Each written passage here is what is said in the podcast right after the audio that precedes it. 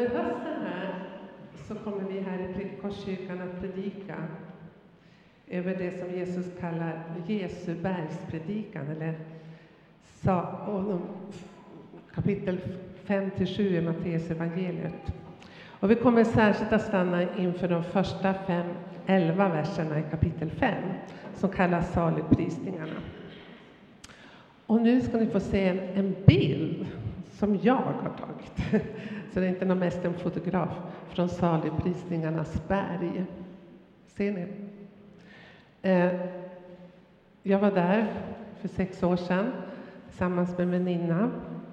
Och jag hade som mål att komma just till den här platsen, för jag har varit där förut och det är så fantastiskt vackert. Ehm, där jag sitter så har jag längre upp på berget så är det en stor kyrka, en katolsk kyrka, ett kloster. Och nedanför berget, vid strandkanten, så ligger utgrävningarna av staden Kapernaum, dit Jesus kom och mötte Petrus. Men det är så fantastiskt att man kan sitta där på berget och man ser blommorna och Genesarets sjö och bergen där på andra sidan. Det är en fantastisk plats att vara på. Och jag tänker att det är intressant att när Jesus ska ge sin allra viktigaste, kanske predikan, så väljer han att undervisa folket på en plats som är så otroligt vacker. Eh, säger kanske någonting om hans kärlek till skapelsen. Vi ska läsa, gå vidare och läsa från Matteus 5, vers 1-11. När han såg folkskarorna gick han upp på berget. Han satte sig ner och hans lärjungar kom fram till honom. Han började undervisa dem och sade Saliga de som är fattiga anden, dem tillhör himmelriket. Saliga de som sörjer, de ska bli tröstade. Saliga de ödmjuka, de ska ärva landet. Saliga de som hungrar och törstar efter rättfärdigheten, de ska bli mättade. Saliga de barmhärtiga, de skall möta barmhärtighet. Saliga de renhjärtade, de skall se Gud. Saliga de som håller fred, de ska kallas Guds söner. Saliga de som förföljs för rättfärdighetens skull, dem tillhör himmelriket. Saliga är ni när man skymfar och förföljer er och på allt sätt förtalar er för min skull. Gläd er och jubla, er lön blir stor i himmelen. Ordet saliga i grundtexten på grekiska är ordet makarios. Och det kan översättas även till vårt svenska vardagliga ord lyckliga och därifrån temat för höstens predikningar. Men det grekiska ordet makarios är ett mycket, mycket rikare ord än lycklig. Det har mycket större höjd och bredd och djup än vårt svenska ord lyckliga. Saliga, det är nästan ett ord som vi inte använder i dagligt tal. Säger vi det någon gång? Nej.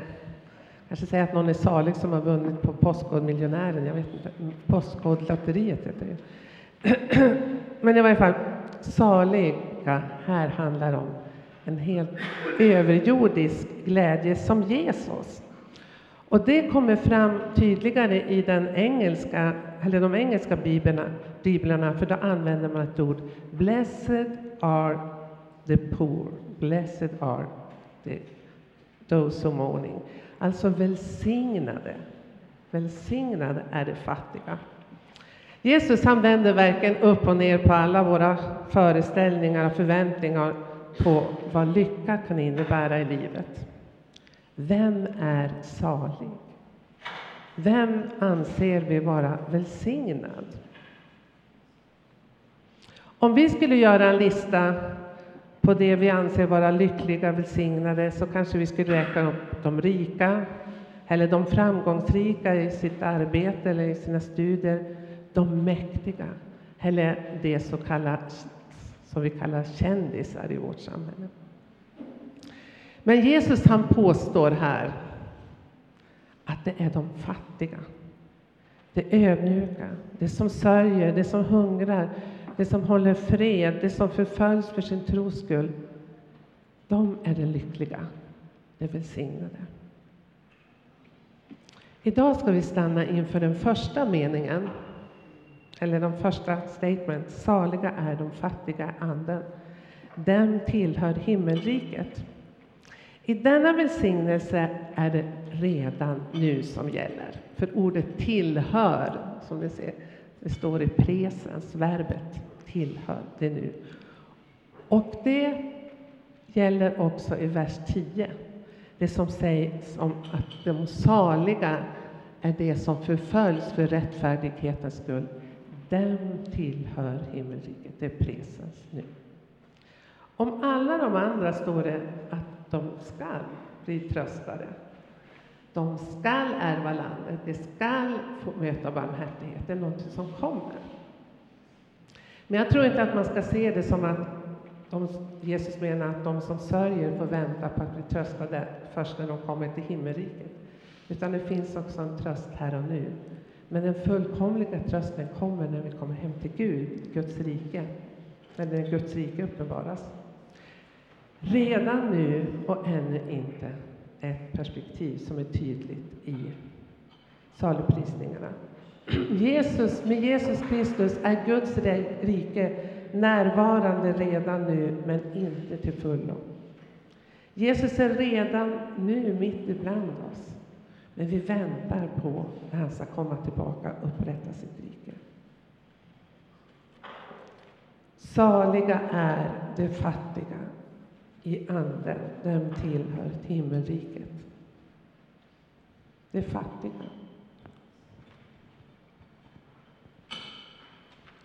Matteus använder inte det vanliga grekiska ordet för fattig här, utan ett adjektiv som även betyder det nedböjda, det betryckta, det anspråkslösa, det förkrossade, det ödmjuka. Så ett väldigt brett ord. Och som motsvarar ett hebreiskt ord i Gamla testamentet, om jag nu talade rätt, ani. Och de som lyssnade på Jesus predikan första gången, de kunde skriftens ord, alltså vårt gamla testamente.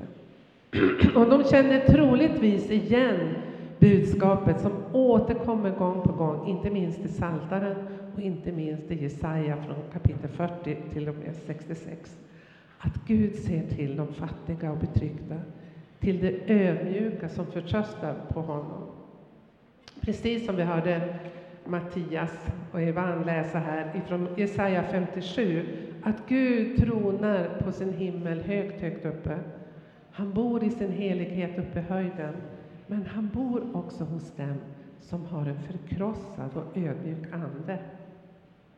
Och så har jag, jag har faktiskt inte lagt märke till det förut, men det står i Jesaja, ty jag vill ge liv åt det ödmjukas ande och liv åt det förkrossades hjärtan. Vackert. Och det här ordet förkrossade återkommer i Jesaja 61, och vers 1 och framåt. Och det är den profetia som Jesus läser i synagogan i Nasaret, när han kommer hem och går in i synagogan och ska läsa dagens text, så läser den från Jesaja 61 och 1. Så här står det, Bibeln 2000.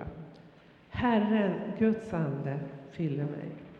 Ty Herren har smort mig han har sänt mig till att frambära ett glädjebud till de betryckta och ge de förkrossade bot, att förkunna frihet för de fångna, befrielse för de fjättrade, att förkunna ett nådens år från Herren. Lägg märke till här, att ge det förkrossade bot. Visst är det fint? Jesu programförklaring. Den evangelikala teologen N.T. Wright har skrivit en kommentar av Matteus evangeliet. Och han menar att det grekiska ordet här för fattiga bokstavligen betyder det tomma. Och att det handlar om det som står längst ner på samhällets skala, de som räknas som nollor, de som är utsatta och föraktade. Jag ska återkomma till det här, saliga är det tomma.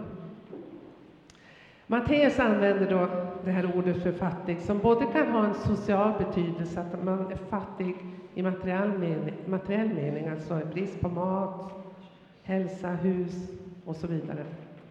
Men det har också en religiös betydelse, vilket vi redan har sett och förstått, och som förstärks med att Matteus skriver saliga är de fattiga i anden, dem tillhör himmelriket. Det handlar om precis samma människor som Jesaja beskriver i kapitel 57 och 61. Jag har i sommar läst mycket böcker. Jag brukar läsa det på, göra det på sommaren. Kanske inte ensam om det. Här, Åsa Molin hon har skrivit en jättefin bok som heter Hemvägen. Kanske någon fler som har skrivit det. Och hon talar lite grann om saluprisningarna i den boken. Och då skriver hon så här. Det som Matteus vill visa genom att lägga till i anden är att det inte automatiskt handlar om alla fattiga, utan om Guds fattiga. Och då ska ni höra, det här tycker jag är så fint. Det som har låtit fattigdomen gå in under huden och forma hela deras livssyn och förhållande till Gud. Guds fattiga är rika just därför att fattigdomen har skapat plats och möjlighet för beroende av Gud som går på djupet. En fattigdom som har skapat en möjlighet och ett beroende av Gud som går på djupet. Att Jesus påstår att de fattiga är de lyckliga, de välsignade, tror jag att om vi tänker efter är ganska provocerande. Nu har de flesta av oss hört den här texten så många gånger så att vi, vi nästan inte reflekterar över den. Men om jag står här idag och säger att saliga är de fattiga. De är välsignade. Är inte det lite provocerande? Kan fattigdom vara en välsignelse? Kan det vara så att materiell fattigdom kan leda till en större öppenhet för Gud? Och vad innebär andlig fattigdom? Det är sånt där som jag har tänkt på den här veckan. Det här var säkert, när Jesus säger det här, var det säkert också provocerande för Jesu första åhörare. För då, liksom nu, så tänkte nog många att framgång på livets om alla områden var ett tecken på välsignelse från Gud, en följd av Guds fruktan. Ja, kanske du tänkte, jaha, ja, men de kände ju till Jesaja. Ja, men de kände också till vad som står i femte Mosebok 11, och där det räknas upp välsignelser och förbannelser om man följer Guds lag och så vidare. Men då är det intressant att ingenstans, ingenstans i evangelierna kan du höra Jesus lyfta fram materiell rikedom som en välsignelse. Ingenstans. Jesus varnar däremot för habegäret och rikedomens lockelser. Och längre fram i bergspredikan så säger han att vi inte ska samla skatter på jorden, utan samla skatter i himlen. Därför att där vår skatt är, det kommer också vårt hjärta att vara. Nu har fattigdomen, materiell fattigdom, inget egenvärde i sig. För den som är fattig materiellt sett kan ju liksom den som är väldigt rik vara hårdhjärtad, bitter och girig. Men om vi ser oss omkring i vår värld så är det alldeles uppenbart att vi som är rika och har det bra, nu tänker jag på i vårt land i västvärlden, vi har en tendens att lita till våra egna resurser och våra pengar som vi har på banken, om vi har några. Medan de fattiga i vår värld i mycket större utsträckning i sin fattigdom inser att de är beroende av någon som är större än de själva. Att de är beroende av Gud. Så materiell fattigdom kan innebära, jag säger kan, det behöver inte vara så, att man inser sitt beroende av Gud och en större öppenhet för Gud. Men andlig fattigdom, vad är det? Är det något att eftersträva? Tänk på det. Att vara fattig i anden innebär att inse sitt totala beroende av Gud och Guds nåd. Att komma till insikt om sin egen tomhet och att vara öppen för att Gud ska fylla våra djupaste behov. Att inte i första hand vända oss till människor, att se att det är framgång och rikedom som ska fylla våra djupaste behov, utan att det är Gud själv Precis som vi har sjungit i några av sångerna idag. Men att inse, att komma till den här punkten av inre tomhet, eller att man inser att man själv är fattig, att man är beroende av Gud, det kan vara en oerhört svår process i våra liv, att komma till den punkten.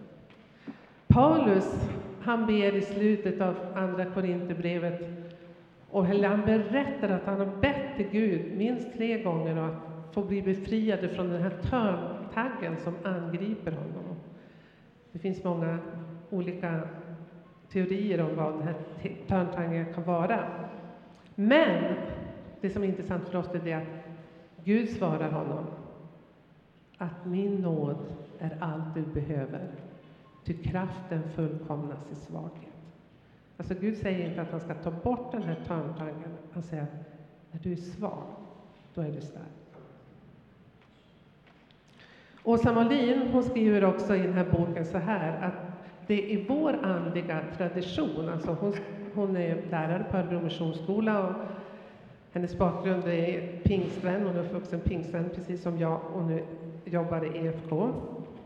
Hon skriver så här, att det i vår andliga tradition är tunt med teologi kring just andlig fattigdom. Så skriver hon, svårigheter tolkas främst som en chans för Gud att visa sin makt när det förvandlas till mäktiga bönesvar. Och vidare, mörka tider och tankar anses mer stå i vägen för en relation med Gud än som en väg till djupare gemenskap med Gud. Och då kan du fundera, hur tänker vi, du och jag? Tänker vi att det är när livet är, vi har framgång i livet, när allting bara rullar på, när vi känner oss välsignade, så välsignade så vi knappt har något behov av att be? Är det då vi förs närmare Gud? Eller kan det vara så att vägen till djupare gemenskap går genom en avklädningsprocess, en inre eller yttre, där vi inser vårt beroende av Gud mer och mer och mer.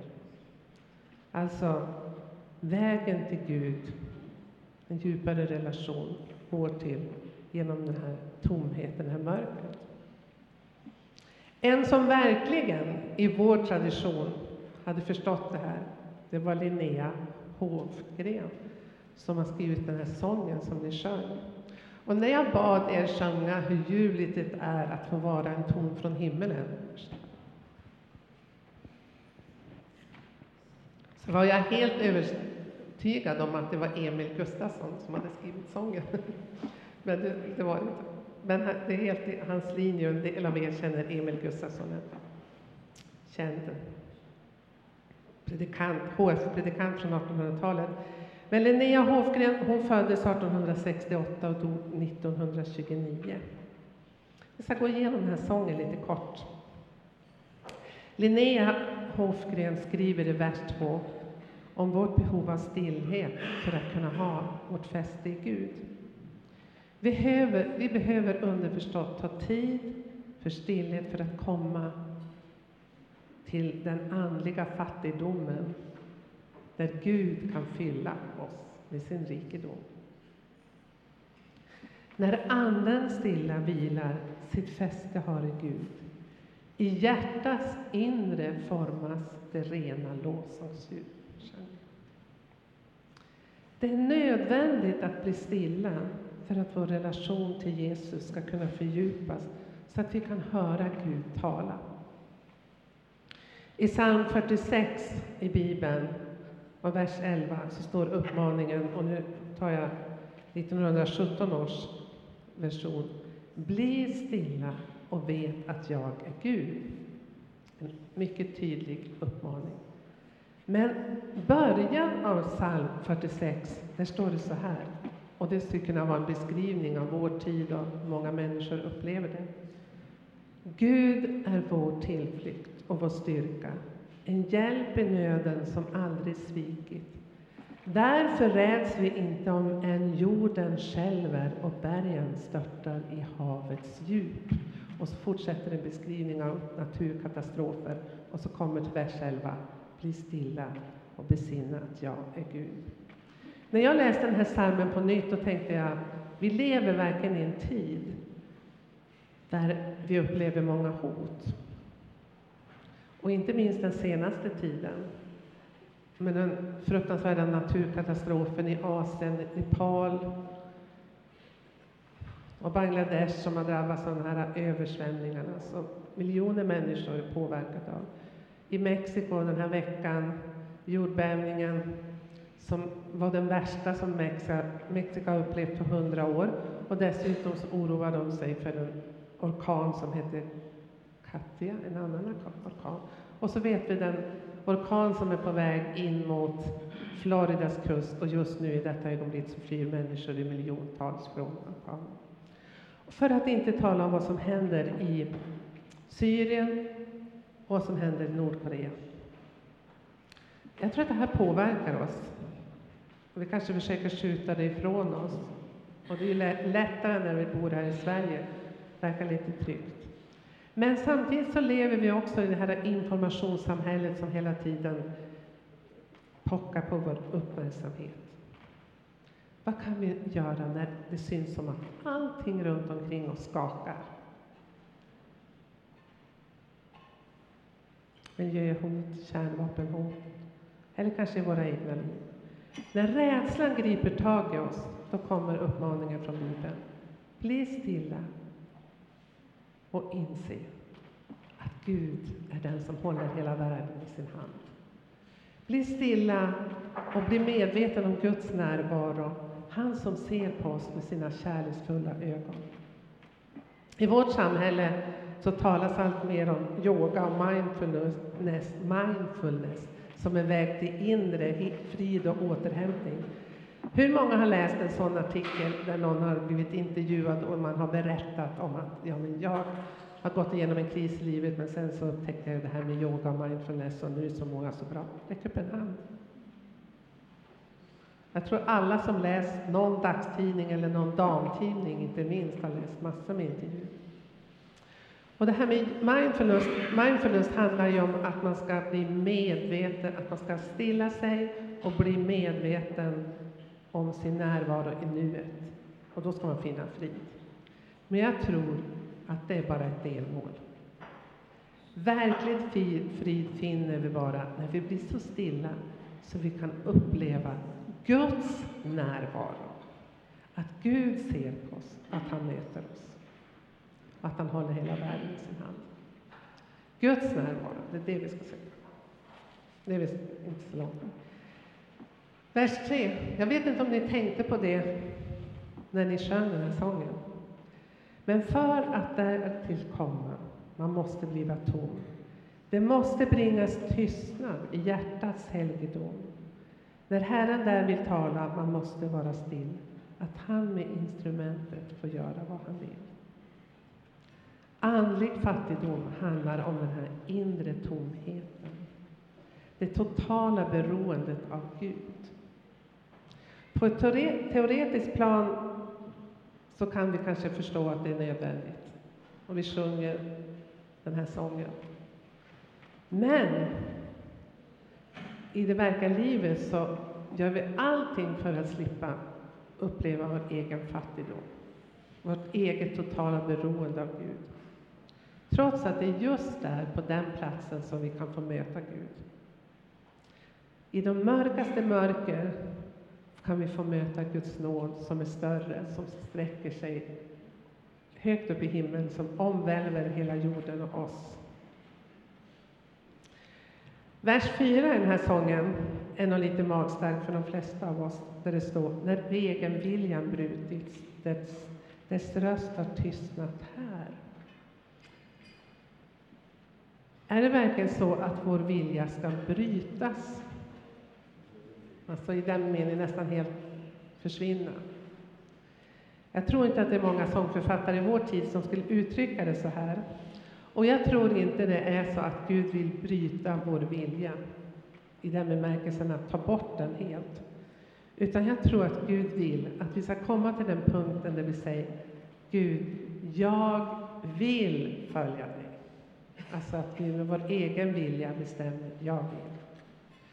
Vi kan ta nästa. Bild 6. När vi överlåter vår egen vilja åt Gud och hans förtröstan.